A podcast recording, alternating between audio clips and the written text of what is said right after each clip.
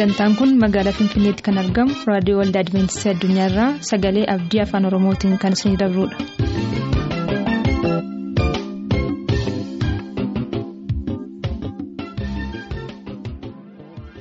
nagaan keenya bakka jirtan hundaatti sana qaqqabu. Kabajamtoota dhaggeeffatoota keenyaa harka fuuni attam jirtu. Sagantaa ittiin eebbifamtan jenne qabannee dhiyaanneerra. Amma xumura qophii keenyaatti nooleen turaa jenna dursinee kan isiniif dhiyeessinu sagantaa maatii abtaamuun qopheesse ta'a egaan sagantaan maatii keenyaarraa maalirratti xiyyeeffataa laata walumaan itti ceenu.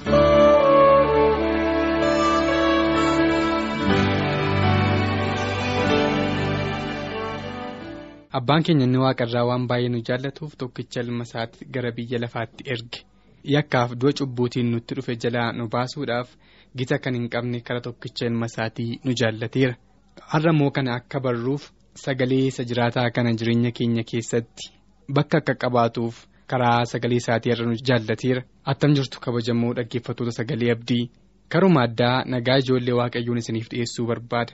gooftaan sagantaa maatii qopheessee kara daandii qilleensaa gurraan nu ga'uu jaallate egaa hundumti keenya cidha kanatti sababa hafeeramneef amma xumuraatti ordofuun carraa gooftaan nuuf laate ta'uusaa durseen isinitti himuu barbaada kan akka goonuuf gooftaan hunduma keenyaa wajjina ta'u.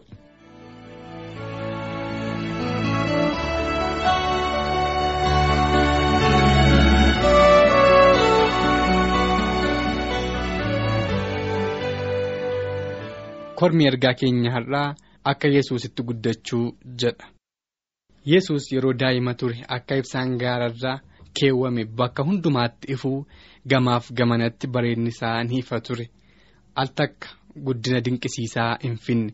Suuta suuta qaamaanis hafuuraanis guddachaa ture. Guddina ijoollonni keessa darban hundumaa keessa darbeera. Seera ijoollummaa eegaa irraa jala qaamaanis hafuuraanis guddachuu danda'eera. yeroo ijoollummaa isaa jaalala dinqisiisaa agarsiisaa ture. Jaalala ofiisaa dabarsee amma kennu isa dandeessisuutti harki isaa inni ajajamaan sun namoota gargaarsa barbaadan hundumaa gargaaruudhaaf qophaa'aa ture obsa wanti kamiyyuu jeequu hin dandeenye namoota bara sanaatti agarsiisuu danda'eera. Amanamummaa cimaa tokkummaa kamiyyuu diiguu hin dandeenye qaba ture. jireenyi isaa arjummaaf ayyaana lakkoofsa hin qabne biyya lafaatti calaqqisiisaa yeroo daa'imummaa isaa dabarsuu danda'eera. Maariyaam haati isaa jaalala isaa miidhagaa kana ni ajaa'ibsiifatti turte ergaa kiristoos dabarsuuf biyya lafaa dhufe guutummaatti maariyaam hubachuu yoo dadhabdeyyuu soorata hafuura qulqulluutiin sooraa isa guddisuu dandeesseetti. Umurii isaatiin kan walgitu macaafa qulqulluu keessaa seenaa isaaf barbaachisu hundumaa tokko tokkoon isatti ni himti turte. keessumaa seenaa ijoollee israa'eliin isatti ni dubbatti. Gaarummaa waaqayyoo guddummaa isaaf seera isaa ilma ishee kanatti maariyaam ni dubbatti turte. Maariyaam karaa waaqayyoo irraa isa guddisuun seenaa ijoollee israa'eliinis isaaf ni dubbatti turte. Kanaafuu macaafni qulqulluun yesus ogummaadhaan qaamaanis ayyaanaanis fuula waaqayyoo fuula namaatti guddachaa ture jedhee dubbata. Lukaas boqonnaa lama lakkoofsa shantamii lama irratti. yesus dhugaa jaalalaan dubbachaa jaalala waaqayyo abbaan namootaaf qabu kallattiitti mul'isuu danda'eera. Isa kana ilmi koo isaan kan natti tolu jedhee dubbata waaqayyo phaawulos immoo ana fakkaadhaa an yesuusiin akkam fakkaadha jedha phaawulos hafuura qulqulluun edda geeddaramee booda muuxannoo jireenya yesuusiin edda muuxatee booda kiristoosiin fakkaachuu danda'eera. Kun immoo ergaa addaati ergaa waaqayyoo isa dinqisiisaa. egaa phaawulos namoota hundumtinuu yesuusiin akka fakkaataniif har'a gorsaa jira. Keessumaa ijoollonni yesuusiin yommuu fakkaatan bara isaanii guutuu yesuusiin fakkaachaa guddatu. Namoota adda addaattis waa'ee dhugaa dubbii kana dabarsuu danda'u jechuudha. Yesus karaadha dhugaadhaas isatus jireenya bara baraa namaaf kennuu danda'a. Isa dabaa ta'e kan qajeeshuu danda'us isa malee gonkumaa tokkoyyuu hin jiru. daa'imni immoo jireenya yesus ijoollonni shaakalan murteessaadha.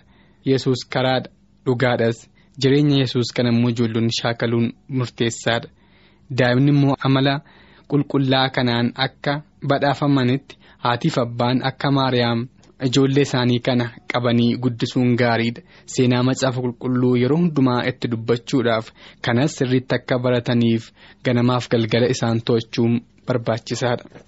Abbaa faati akkasumas barsiistonni amala dargaggootaa qoraa guddisuun murteessaadha yommus ijoollonni kun bareedina umurii isaaniitti qabaachuu qaban akka daraaraa bakkee keessaa calaqqisiisaa guddatu.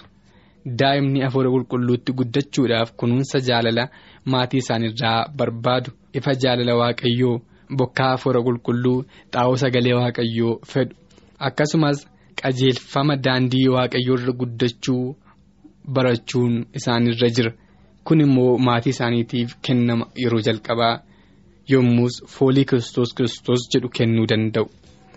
ijoollonni bifaan akkuma adda adda ta'an amalaanis adda adda kanaafuu. Kunuunsaaf eeggannoo adda ta'e barbaadu.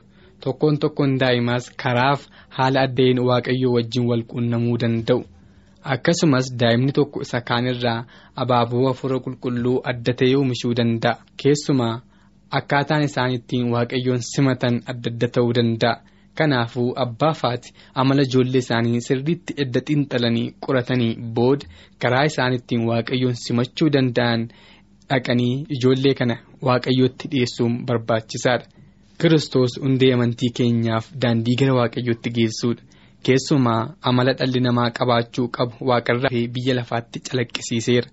Daandii yesuus irra deemerra deemuun yesuusiin fakkaachuun kaayyoo waaqayyooti.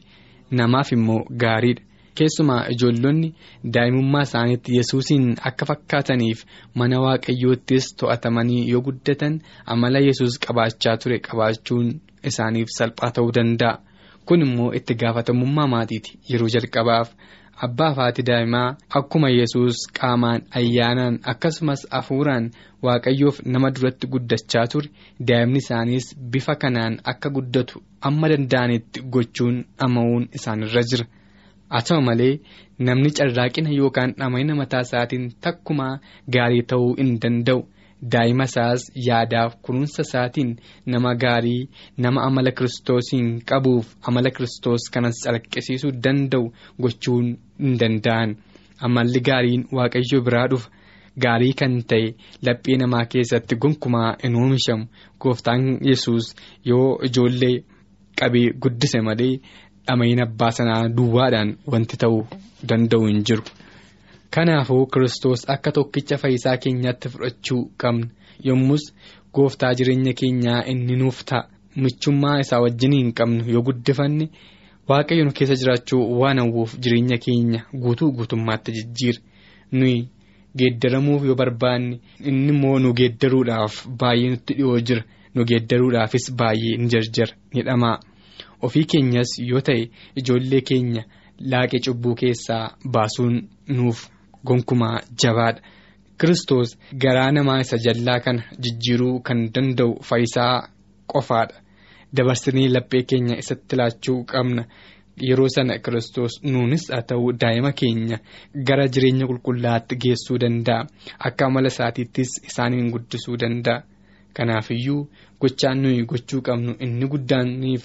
Inni lammataa kiristoositti dabarsinee ijoollee keenya laachuu kiristoosiin isaanitti agarsiisuu qabna yeroo kiristoosiin simannu inni dhagaa garaa nu keessaa baasee garaa foonii nuuf laata jijjiiramuu kan dandeenyus kiristoos garaa hafuuraaf garaa dubbii waaqayyoo simatu yoo qabaanne duwwaadha.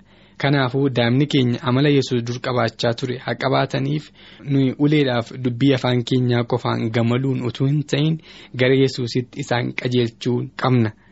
Yesuusin michuu dhuunfaa isaanii haa godhataniif waa'ee maalummaa yesuusin tokko tokkoon isaanitti himuun barbaachisaadha.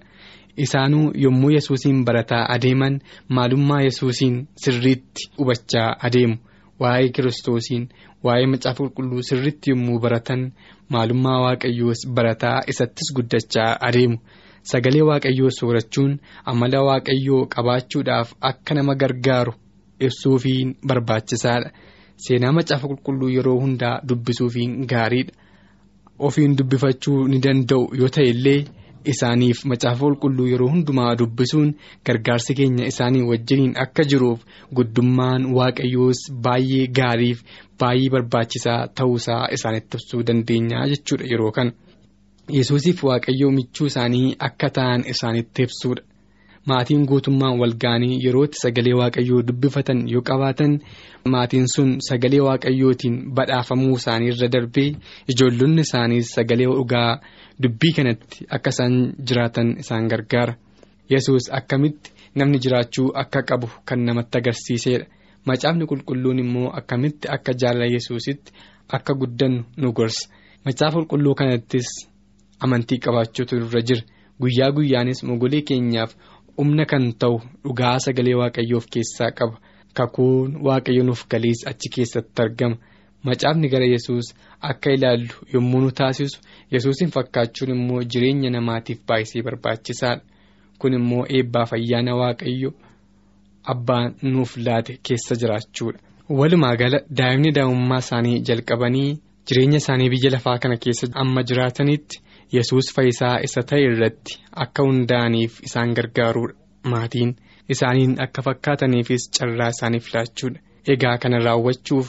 ga'een abbaa haadhaa waa lama inni tokko sagalee waaqayyootti isaan guddisuu yommuu ta'u inni lammataa immoo yesus kristos isaanii wajjiniin jiraachuu akka barbaaduuf inni michuu isaanii isa dhuunfaa akka ta'e isaanitti agarsiisuudha. Yeroo sana yesuusii wajjiniin jiraachuu isaaniyyuu ni danda'u. Rakkoof gammachuu jireenya isaaniitti dhufu. Akka sagalee waaqayyootti akka isaan hiikaniifis isaan gorsuudha. Keessumaa seenaa macaafa qulqulluu. isa dandeessisiisu kiristoosiin waan hundumaa nan danda'a isa jedhu. Akka dubbifataniif akka kanattis akka isaan jiraatan isaan gorsuudha yeroo sana gammachuuf gadda hundumaa keessa irree yesus isaaniif laatuuf jajjabina yesus isaan badhaasuun jiraachuu danda'u kana hundumaa akka goonuuf ayyaanaa inni qabu gooftaan keenya ayyaana isaatiin nu haa badhaasu amma sagantaa addaatiin wal agarruutti nagaan nu tura.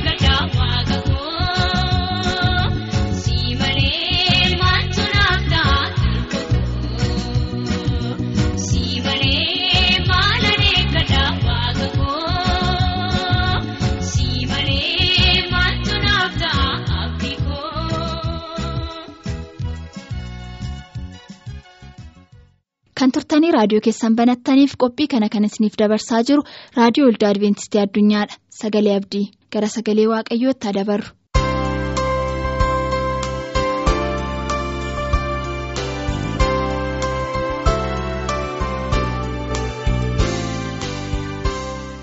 nagaan keenya bakka bakka jirtan hundumaatti sinaa qaqqabu jecha yeroo kanaaf qabannee kan isiniif dhiyaanne guyyaa irraatti dhugaa dubbii waaqayyoo kan waliin barannu mata dureen isaa kan jedhu yoomi laataa yoomi laataa haa kadhannu waaqayyoon. guddaas galateeffannaa yaa abbaa keenyaa yeroo kanaa waan nu geesseef dhugaa dubbii keetii akka barannuuf fayyaa nagaa yeroo waan nu laatteef si galateeffanna yaa abbaa yeroo kanaa sitti dhiyaannaatis nutti dhiyaadhu. dhugumaan yaa gooftaa dhugaa dubbii kee hafuura keetiin nu barsiisi kadhannaa maqaa yesuusiin ameen.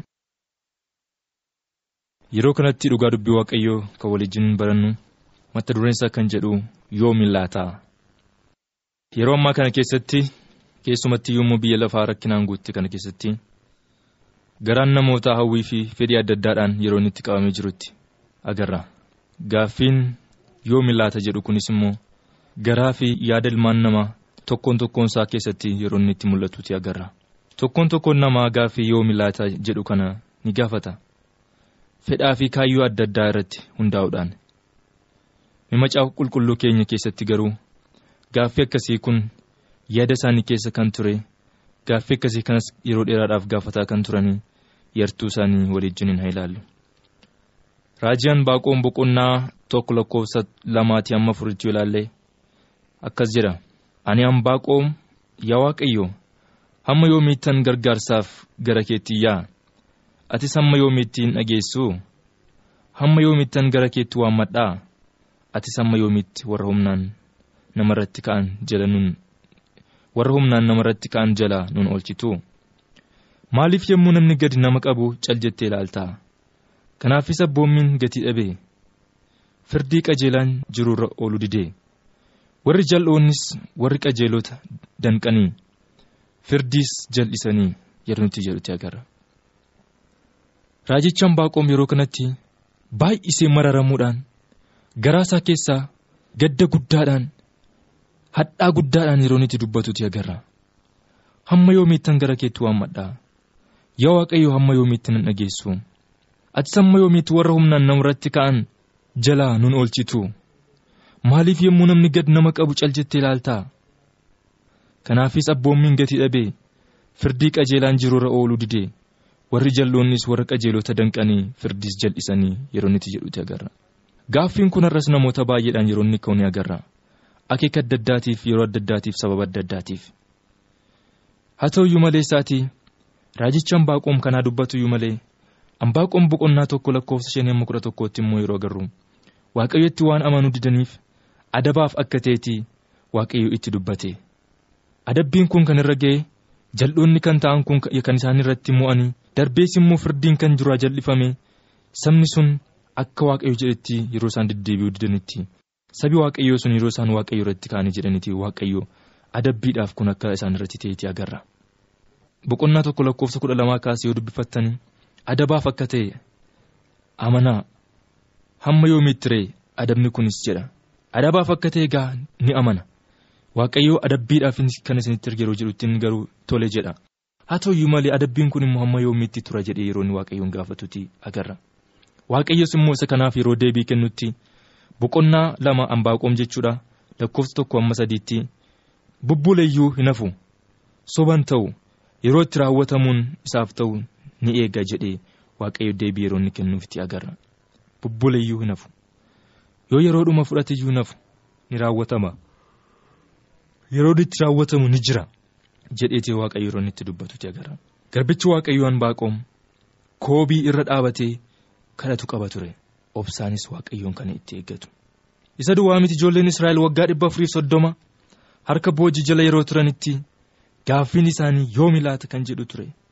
Waggaa dhibba afuriif soddoma utuu hin deebi'in ture gaaffiin kunis. Yeroo isaatti garuu. eenyuyyuu dhorkuu hin dandeenye.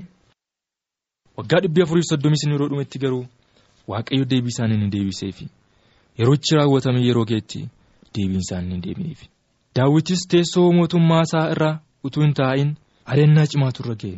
Karaa saa'ol hamma isa ajjeesutti lubbuu isaa hamma balleessutti attamitti irratti mo'a jechuudhaan innis baay'isee baqate. Bosonatti illee amma galutti ga'e. Bosonallee duukaa dhaqee yeroo inni itti ari'ataa turetu agarra. Innis gaaffeensaa inni guddaan waa'ee teessoo irra taa'uu hin turre gaaffiin daawwiti garuu yoomi laata nagaadhaan bir'annaa malee kanan taa'u kan jedhudha yeroo waaqayyo jedhetti garuu yoomi laata kan jedhu gaaffiinsaa deebii argate kan isa ari'atus saa'ol ni bade yookaanis immoo of ajjeese billaan ittiin daawwitiin ari'ataa tureen of ajjeese saamulis tokkoffaa boqonnaa soddomii tokko lakkoofsa afurii kaastanii ni argattu darbee saamuil isa lammaffaa boqonnaa lama lakkoofsa tokko kaastanii yoo dubbifattan argachuu ni dandeessu abrahaamii fi saaraan gaaffii cimaa qabu turanii waaqayyo duraa kan qaban yoomi laataa waaqayyo kan kakuu isaaniif gale jilba kee keessaa kan bootu si dhaala jedhee waaqayyo abrahaamitti yeroo dubbatetti deebiin sun yoomi laataa kan jedhu gaaffii sanaaf yoomi laata kan jedhu haa ta'uyyuu malee waaqayyo yeroo jedhetti deebii ni argate. Dhugaadhumatti gaabba'uudhuma ba'uusaa galuusaatti ollixuuf gadi ba'uusaatti waaqayyo isaa wajjin ture. Waaqayyo isaa wajjin ture. Abrahaamiif saaraan abdii waaqayyo isaaniif gale ni eeggatan yoomi laata kan jedhu garuu gaaffii guddaa isaaniif ture. Yeroo yeroon isaa geetti garuu waaqayyo yeroo dheeraa booda. Umurii isaanii yeroo isaan dulloomanitti garuu yeroo itti namni yaannetti waaqayyo ilma isaaniif kenne. Yisihaaqiin seera uumamaa boqonnaa kudha shan lakkoofsa afurii shan irratti ni argattu. Darbees immoo seera uumamaa boqonnaa kudha saddeet lakkoofsa kudha afur irratti awwaantan sitti dubbadhe utuu siif hin raawwatin sin dhiisu jedha. Waantan sitti dubbadhe siif hin raawwadha jedha. Dhukkubsatoota beetisayidaa yoo ilaallis obsaan sochoo bishaanicha kuufamu sana ni eegu turan. Kanaaf dhibee adda addaadhaan warri dhiphachaa turan yoomi laata bishaanni kun kan socho'u kan jedhu yoom geessi laata yeroo ittiin kan jedhu abdiidhaan eeggachaa turanii haa ta'uyyuu malee isaatii namtichi miilli isaa laashaa ta'e fira bishaanicha keessa isa buusuu hin qabne waggaa dheeraadhaaf achi kan ture tokko garuu gooftaa yesus kiristoos guyyaa tokkotti achiin darbe fayyinni siif ta'a keessiree kee baadhadhuuti deemi ittiin jedhe yohaannis boqonnaa shan lakkoofsa tokko kaastanii yoo dubbifattan ni argattu. Dhugaadhumatti yaa saba waaqayyoo dubbiin kun dubbii dhugaadha yoomi laata yoomi laata firoomni koo yoomi laata dhiphina kana keessaa ba'uun koo yoomi laata kan jedhu ture gaaffii namicha kanaas haa ta'uyyuu malee waaqayyo deebii isaaf ta'e waaqayyo furmaata isaaf kenne waaqayyo yeroo jedhetti ni raawwatameef bakka sanatti namootni adda addaa bishaanicha keessa dursanii nama buusantu barbaachisa ture. Namoota adda addaa achitti firri isaanii keessanii buusu. Namtichi sun garuu fira hin qabu. Nama achi keessa isa buusus hin qabu.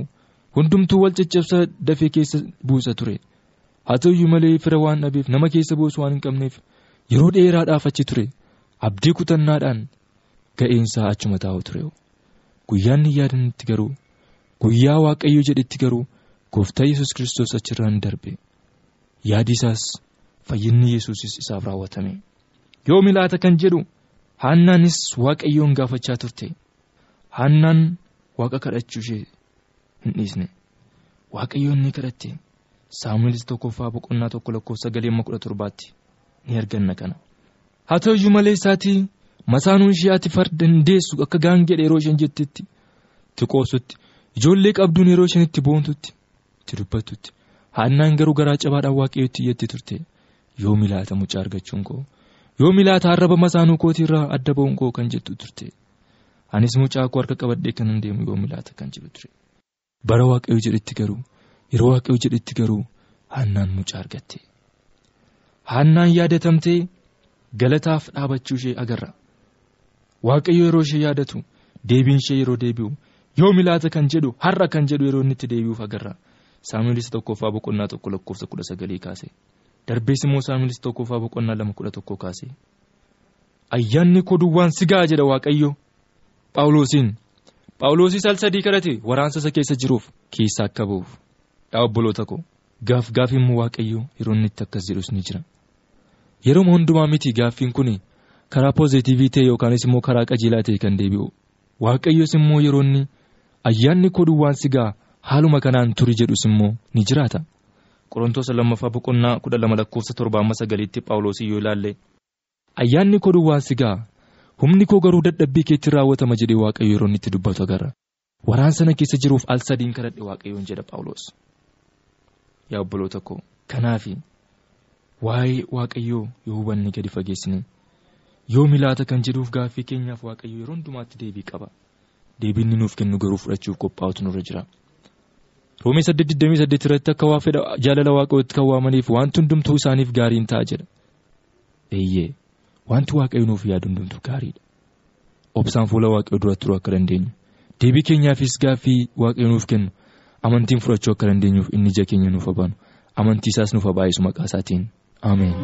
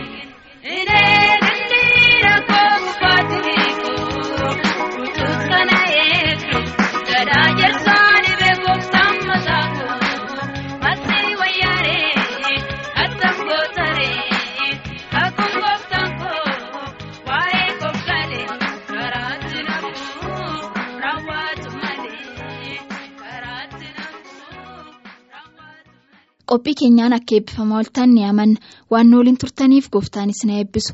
Borkan qabannee dhiyaannu sagantaa xalayaaf sagalee waaqayyoo ta'a. Egaan sagantaa keenya irratti yaadoo qabaattan raadiyoo olda adventistii addunyaa lakkoofsa saanduqa poostaa dhibbaaf 45 finfinnee jedhaanuuf barreessaa. Lakkoofsa saanduqa poostaa dhibbaaf 45 finfinnee. Ammasitti garuu teeknishaanota keenya irra naa malaakuuf gammachuu taaddasaa. Kan isin keessumsiisaa ture aannan eebbisaa. Walumaan taanee nagaa waaqayyoon turaa jenna nagaatti. nan tottu kene lakkiyadee.